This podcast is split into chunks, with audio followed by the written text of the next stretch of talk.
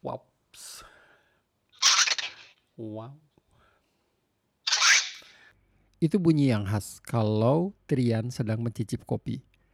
Trian adalah juara satu Indonesia Cup Tester tahun 2019 ini. Dia akan berangkat sebentar lagi ke Jerman untuk mengikuti kompeti kompetisi yang sama di tingkat dunia. Gua berbincang dengan Trian dan inilah hasilnya. Selamat menyimak dalam podcast edisi ke-7 kali ini.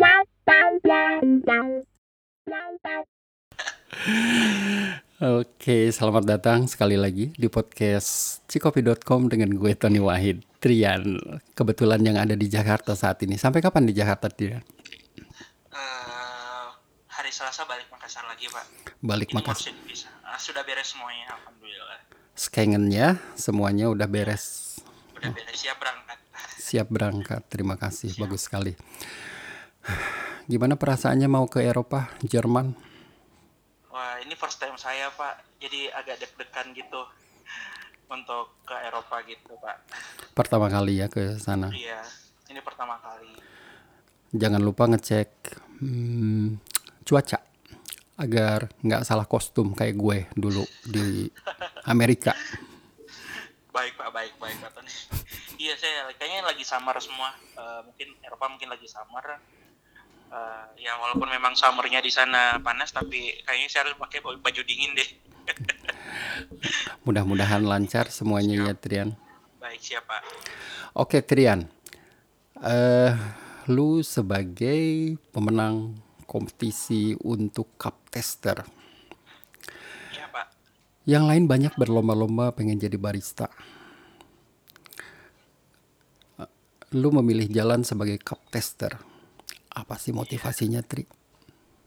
Eh, saya sih ikut kompetisinya dua pak kemarin pada regional saya ikut barista juga saya ikut eh, cup tester juga Oke. ya, tapi ternyata bakat saya memang bukan di barista pak karena di regional saya kalah Nah, itu dia. Iya, saya saya di regional kalah karena kenapa? Saya tidak pernah pegang mesin sebelumnya karena eh, aktivitas yang memang di roastery saya lebih kebanyakan di quality control dibandingkan eh, sebagai berperan di lini baristanya, Pak. Nggak pegang mesin dalam arti kata Jarang jarang pegang mesin, Pak. Jadi eh, di kopi teori sendiri kan eh, ada bagian masing-masing, Pak. mm-mm. Kebetulan saya di quality control eh, dan roastery-nya. Jadi eh, untuk di peran barista jarang untuk setiap hari melakukan aktivitas, melakukan serve dan lain-lain. Oke. Ya, Kita balik dulu flashback. Kapan sih pertama Baik. Eh, kenalan dengan kopi? nah saya pertama kenalan dengan kopi itu dari blog bapak sendiri cikopi.com Oke. di tahun 2011. saya terbantu sekali karena pada saat itu untuk eh, informasi tentang dunia kopi sangat minim banget. Jadi salah satu eh, inspirasi saya itu yaitu dari blog bapak sendiri cikopi.com. Makasih. ya saya sebelum melanjutkan saya terima kasih dulu Pak buat uh, Cikopi ya. Udah menginspirasi saya. Di 2011 eh, saya bangkrut. Dan mulai untuk karir pertama saya di dunia kopi itu karena memang eh, nasib Pak. Jadi awalnya masuk di dunia kopi yang nggak ada pilihan lain. Yang ada cuma eh, beberapa alat-alat kopi yang ada di kamar saya. Dan akhirnya saya menggunakan itu untuk eh, bisnis lanjutan setelah saya bangkrut Pak di bisnis awal saya Bisnis awalnya apa tuh yang bisa bangkrut itu? saya advertisement advertising eh, dan percetakan di Makassar Oke. jadi untuk eh, biasanya bangun brand orang orang eh, tapi akhirnya pada akhirnya saya membangun brand sendiri menggunakan ilmu itu untuk membangun brand sendiri Dan memutuskan untuk ke kopi aja wah setelah Iya, selesai. Karena yang tersisa cuma alat kopi yang ada di kamar saya jadi saya memutus ya udah saya kayaknya harus di dunia kopi Waktu itu dagang kopi atau gimana sih bisnisnya awalnya? Awalnya saya cuma eh, peminum kopi biasa Pak. Saya mulai memulai semuanya dari garasi rumah saya mengumpulkan alat-alat kopi, terus membuat eh, roastery kecil yang awalnya saya juga membuat roastery dari tanpa pengetahuan apa pun.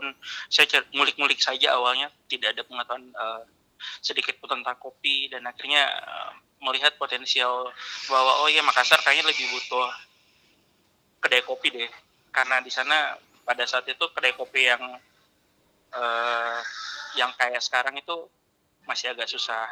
Mm, You know, pasti minum kopi yang pakai kopi tarik, mm. kopi susu gitu. Jadi saya melihat wah potensial pasarnya masih sangat besar ini untuk memulai dengan start point, startup dengan espresso base. Jadi akhirnya saya buka warung kopi juga kecil-kecilan Pak. Pada saat itu di Makassar di tahun 2014. Jadi fasenya lama Pak dari 2011 sampai 2014. Mau baru berani untuk memberanikan diri untuk buka kedai kopi Bukannya di halaman rumah. di garasi rumah Pak. Sambutannya gimana saat itu, Tri? Yan? Tidak ada tidak ada yang datang Pak. karena jujur saja karena eh, mungkin menurut orang-orang eh, saya menjual jenis kopi dengan eh, varian yang agak sedikit beda yaitu dengan espresso base. Sedangkan yang pada umumnya kan orang dapatkan kopi kopi itu digunakan dengan susu kental manis ditarik. Jadi kita masuk dengan genre yang berbeda dan dan akhirnya menjadi beda sendiri di antara jenis-jenis kopi yang lainnya. Karena palet lidah orang-orang Makassar kan lebih suka manis. Jadi mungkin itu yang membawa eh, akhirnya kopi teori 2015 itu sempat bangkrut eh, karena kita tidak pernah menyesuaikan dengan pasar dan akhirnya bangkit kembali ya udah kita putuskan kalau gitu kita ngambil semua grab dari eh, lini komersil dan lini specialty juga seperti itu Pak. Namanya kopi teori ya. Iya, Idenya menamakan itu kopi teori itu dari awalnya gimana tuh, Trian? Ya dari karena awalnya kan buka-buka blog Bapak Mm-mm. dan kebanyakan teori dan tidak ada praktek sama sekali. Yang ada cuma saya ngaplikasiin alat mahal alat kopi pada mahal-mahal, Pak. Jadi untuk memulai startup itu sangat susah. Jadi ya udah ini sekedar teori doang nih. Ya Mm-mm. mungkin kita punya teori-teorinya tapi untuk eh, pengaplikasiannya ya kayaknya harus nabung dulu dari kecil-kecil. Itulah kenapa kita namakan dengan kopi teori. Alat yang waktu itu dipakai apa saja sih, Trian? Eh, saya masih memakai French press, French press dan eh, mungkin dripper-dripper kecil yang lainnya itu untuk memulai awal eh, kopi teori pada saat itu, Pak. Untuk mesin kopi juga kita masih pakai mesin kopi kecil sekali dulu. Eh, saya pakai pernah sempat pakai DeLonghi E ECS 155. Oh, legend itu mesinnya. Ah, itu membantu operasional saya menggunakan dua DeLonghi itu dan akhirnya bisa beli domobar dan akhirnya sudah bisa beli mesin yang besar Pak sekarang. Titik balik kopi teori jadi terjadi kapan tuh setelah susah banget di garasi?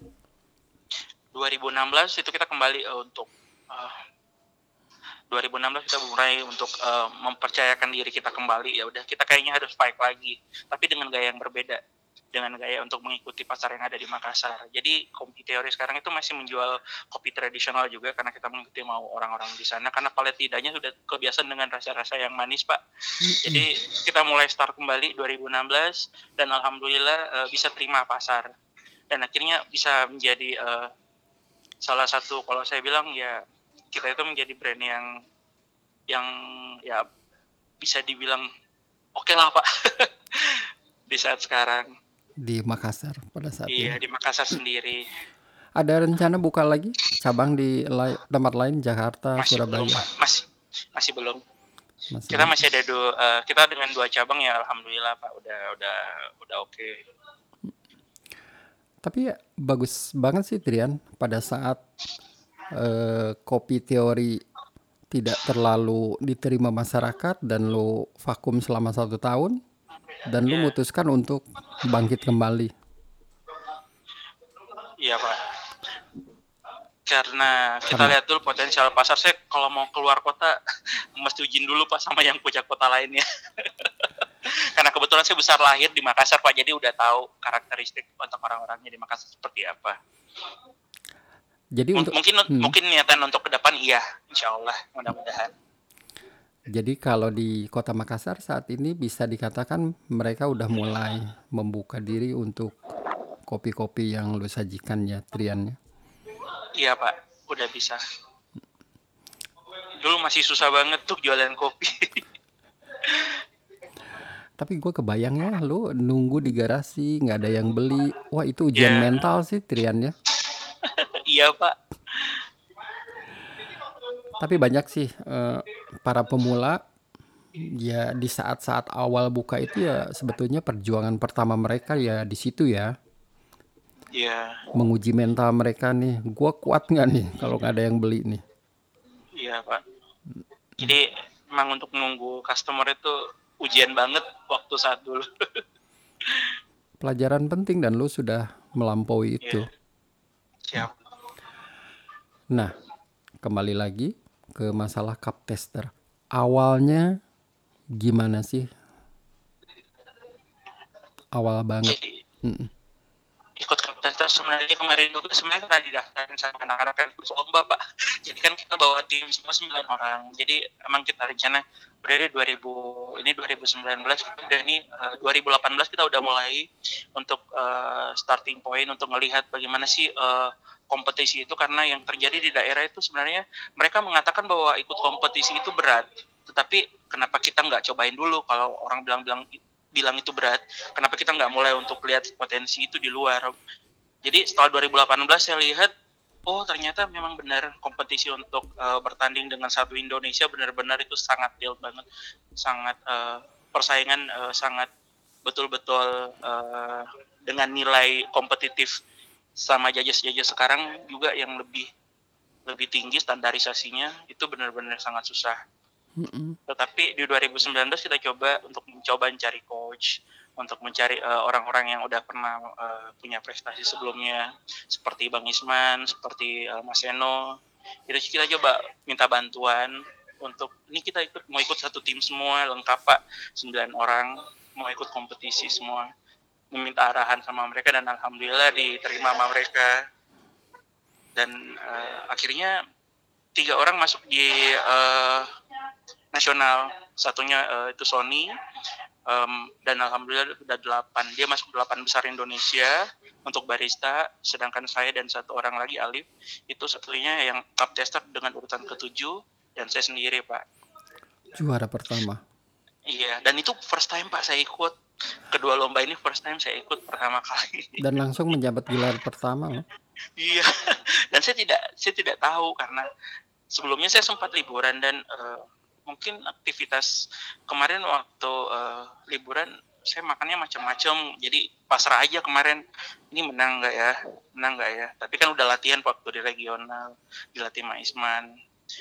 Tapi pada saat di regional saya sempat drop juga. Waduh lawannya berat-berat nih melihat eh, juara tahun lalu ikut juga.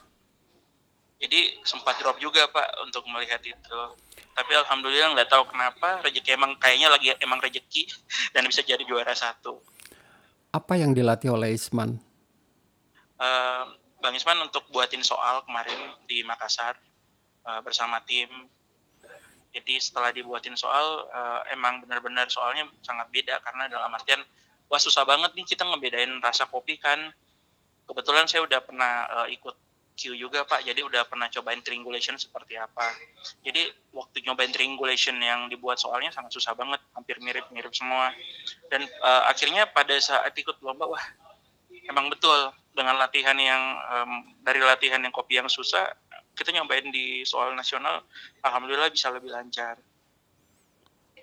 Triangulation ya. iya.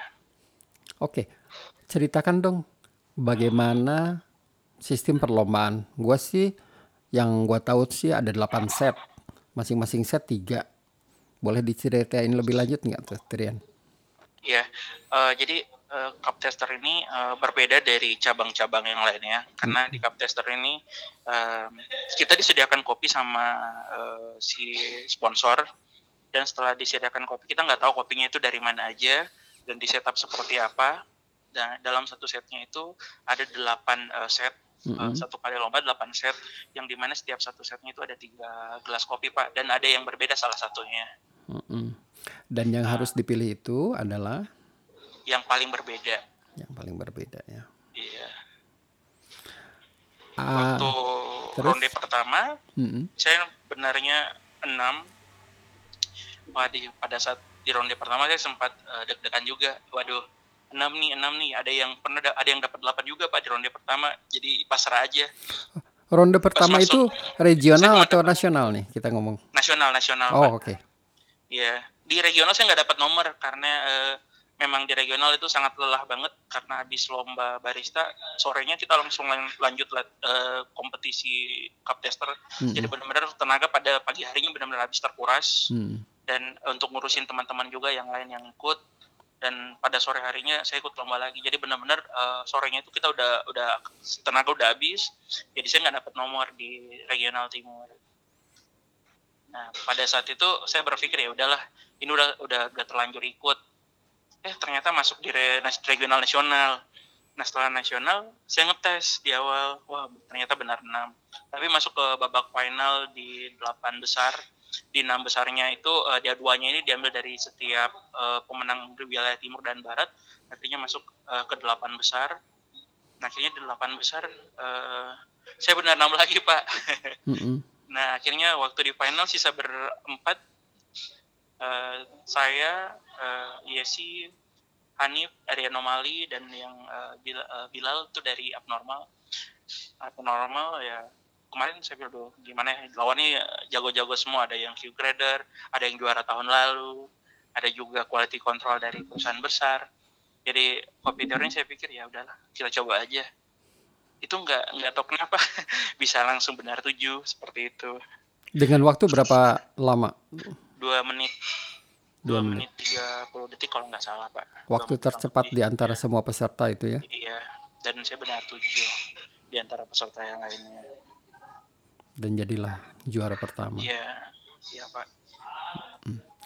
Oke, ke hmm, ke Jerman kapan? Bulan ini ke Jerman tanggal 31 bulan ini uh, dan alhamdulillah visa udah beres semua Pak. Nah, dalam jangka waktu yang singkat ini apa saja sih yang udah dilakukan? Dalam waktu yang singkat ini alhamdulillah saya dibantu dengan banyak orang-orang yang uh, sudah banyak membantu saya di industri ini pak mm -hmm. uh, seperti Bu Mira uh, itu membuka jalan uh, Citra Ramadan Isman juga bantuin juga urus visa kemarin akhirnya uh, ini first time saya ikut lomba dan first time juga untuk berangkat ke World jadi memang betul-betul saya tidak ada informasi sama sekali bagaimana sih cara untuk ke World, bagaimana sih untuk uh, mengurus visa dan segala macam untuk ke Eropa. Jadi alhamdulillah masih banyak orang-orang yang bantuin saya, yang peduli sama saya juga kemarin. Saya terima kasih banyak buat mereka. Tentu kompak kok orang Iya, yeah, untuk orang-orang tersebut. Tahun 2014 hingga sekarang 2019, lu pernah jatuh banget di tahun 2014 Kebayang iya, nggak ya, sih pada tahun ini lu udah terbang ke Eropa? Iya Pak, Alhamdulillah. Kebayang nggak maksudnya? Tidak ada sama sekali Pak kebayang. Kemarin cuma membantuin, kemarin waktu masuk nasional pun saya nggak kebayang sama sekali bahwa saya mau masuk final, mau menang menjadi juara satu tidak ada sama sekali pak. Karena saya benar-benar pure bantuin tim yang uh, lolos IBC si Sony hmm. uh, dengan harapan uh, paling tidak saya udah pernah coba pak dalam sekali dalam umur seumur hidup saya untuk bantu sampai ke level yang paling maksimum yaitu delapan besar Indonesia. Kemarin tidak ada harapan bahwa saya ya udah saya mau ikut lomba ICT saya fokus ICT saya nggak ada nggak ada sama sekali mau fokus seperti itu. Saya cuma bantuin aja di backstage, bantuin angkat-angkat barang dan segala macam untuk tim saya. Uh, dibantu Mas Eno dan Isman juga. Dan tidak tahu kenapa eh tiba-tiba juara karena rezeki. Hmm, oleh sebab lu jago sih. Tapi mudah-mudahan sukses nanti di Jerman nanti di Berlin ya. Siap. Ada berapa negara amin. yang ikutan? Kalau untuk negara sendiri belum ada informasi dari WOC-nya Pak hmm. bahwa ada berapa negara yang ikut, tapi uh, kayaknya negara-negara yang tahun lalu ikut, hmm. kayaknya pada ikut semua. Negara-negara yang menang tahun lalu pada ikut semua juga. Ikutan kompetisi lagi ya? Kompetisi lagi. Oke, setelah menang ini nih, Trian. Ya Pak. Pelajaran penting apa sih yang bisa didapat dari semua proses sejak lu buka kopi, lu kemudian uh, sepi warung kopinya, ikutan cup tester, menang hingga sekarang ini sampai ke titik ini. Apa sih benang merahnya proses semua itu? Prosesnya adalah yang saya tarik adalah tetap down to earth, tetap untuk kembali rendah hati karena dari proses-proses kemarin emang tidak ada proses yang instan pak semua melalui proses-proses yang betul-betul uh, menurut saya itu sangat membentuk saya untuk menjadi seperti ini. Artinya lah, kerja keras, Iya pak, kerja keras dan fokus. fokus. Iya, untuk tentang apa yang kita jalani untuk saat ini, apalagi dalam industri kopi. Hmm. Trian, di situ ada gelas sama kopi nggak sama sendoknya? Gelas Atau di ada, ada, situ? Gue pengen, tahu nggak? Gue pengen eh, pengen dengerin lu mencicip kopi kayak gimana bunyinya itu doang sih, Tri. Oke oke. Saya nyoba ambil Coba ya. kopinya dulu. Mm-mm. Ah,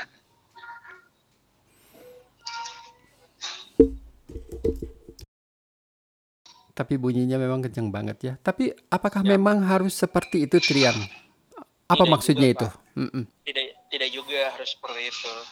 Itu mungkin untuk kita dapat mendetek secara eh, secara keseluruhan di bagian retronasal kita, tapi tidak juga harus seperti itu sih setiap dalam industri eh, dalam keseharian. Mm-mm. Jadi nyobain kopi ya biasa-biasa aja, nggak sampai segitu juga. Apalagi di kafe orang ya. Iya benar. Jangan sampai. Jangan nanti kita dilemparin pak. Jangan, jangan. Oke. Buat teman-teman yang mungkin tertarik menjadi seorang cup tester yang profesional, Trian ingin ngasih tips apa buat mereka? Tipsnya sih apa ya pak?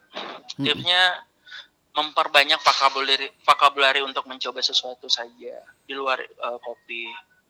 Jadi nyobain buah-buah apa aja untuk dapat lebih eh, dapat lebih mudah mengingat bahwa eh, oh ternyata dalam kopi itu ada buah-buahan, ternyata banyak flavor yang ada di dalam kopi, ternyata banyak aroma juga di dalam kopi. Itu itu menjadi eh, satu menjadi sebuah frekuensi kunci untuk eh, mengingat sesuatu itu jauh lebih banyak. Seperti itu Pak Tony. Susah nggak ngapalin? Kan banyak nih eh, spektrum rasa dari buah aja banyak banget. Gimana cara mengingat supaya lebih cepat mengingat? Apa saya nggak tahu apakah saya memang gara-gara suka doyan makan ya Pak ya. Mm-mm. Mungkin itu kali ya. Kan Iya karena kalau dilihat dari foto sendiri Bapak bisa lihat badan saya sangat Sehat kok, di luar di luar rata-rata Pak. Jadi sehat. untuk mencoba mengingat suatu eh, rasa itu itu lebih gampang dapatnya karena saya lebih ho- hobi doyan makan. Mungkin itu tips yang bagus juga. Iya. Gue juga sih doyan makan, tapi ya makan aja. Apalagi pakai bumbu yang ada di Makassar kan sangat banyak Hmm. banget Pak. Iya. bumbu bumbu dalam masakan lokal yang ada di Makassar itu sangat banyak banget. Jadi itu juga eh, menambah banyak memori saya tentang sebuah rasa, tentang sebuah rasa manis, pahit, gurih itu seperti apa. Makassar luar biasa makanannya, kaya sekali dengan Iya. bumbu ya. Iya Pak. Mm-mm. Pak Tony kemarin ke sana kan? Oh, Makan apa aja Pak? Sakti di Makassar itu jadi pagi-pagi udah makan jeroan. Perdagingan ya pagi-pagi buat sarapan. iya. Dan ya begitulah hampir setiap hari keseharian orang-orang sana makan kayak gitu, banyak makan daging, karena ba- banyak coto, banyak palu basah. Iya. Dan gue enjoy makanan di sana. Enak. Iya. Siap. Bumbunya memang lebih tebal ya, seperti Sumatera gitu. Iya.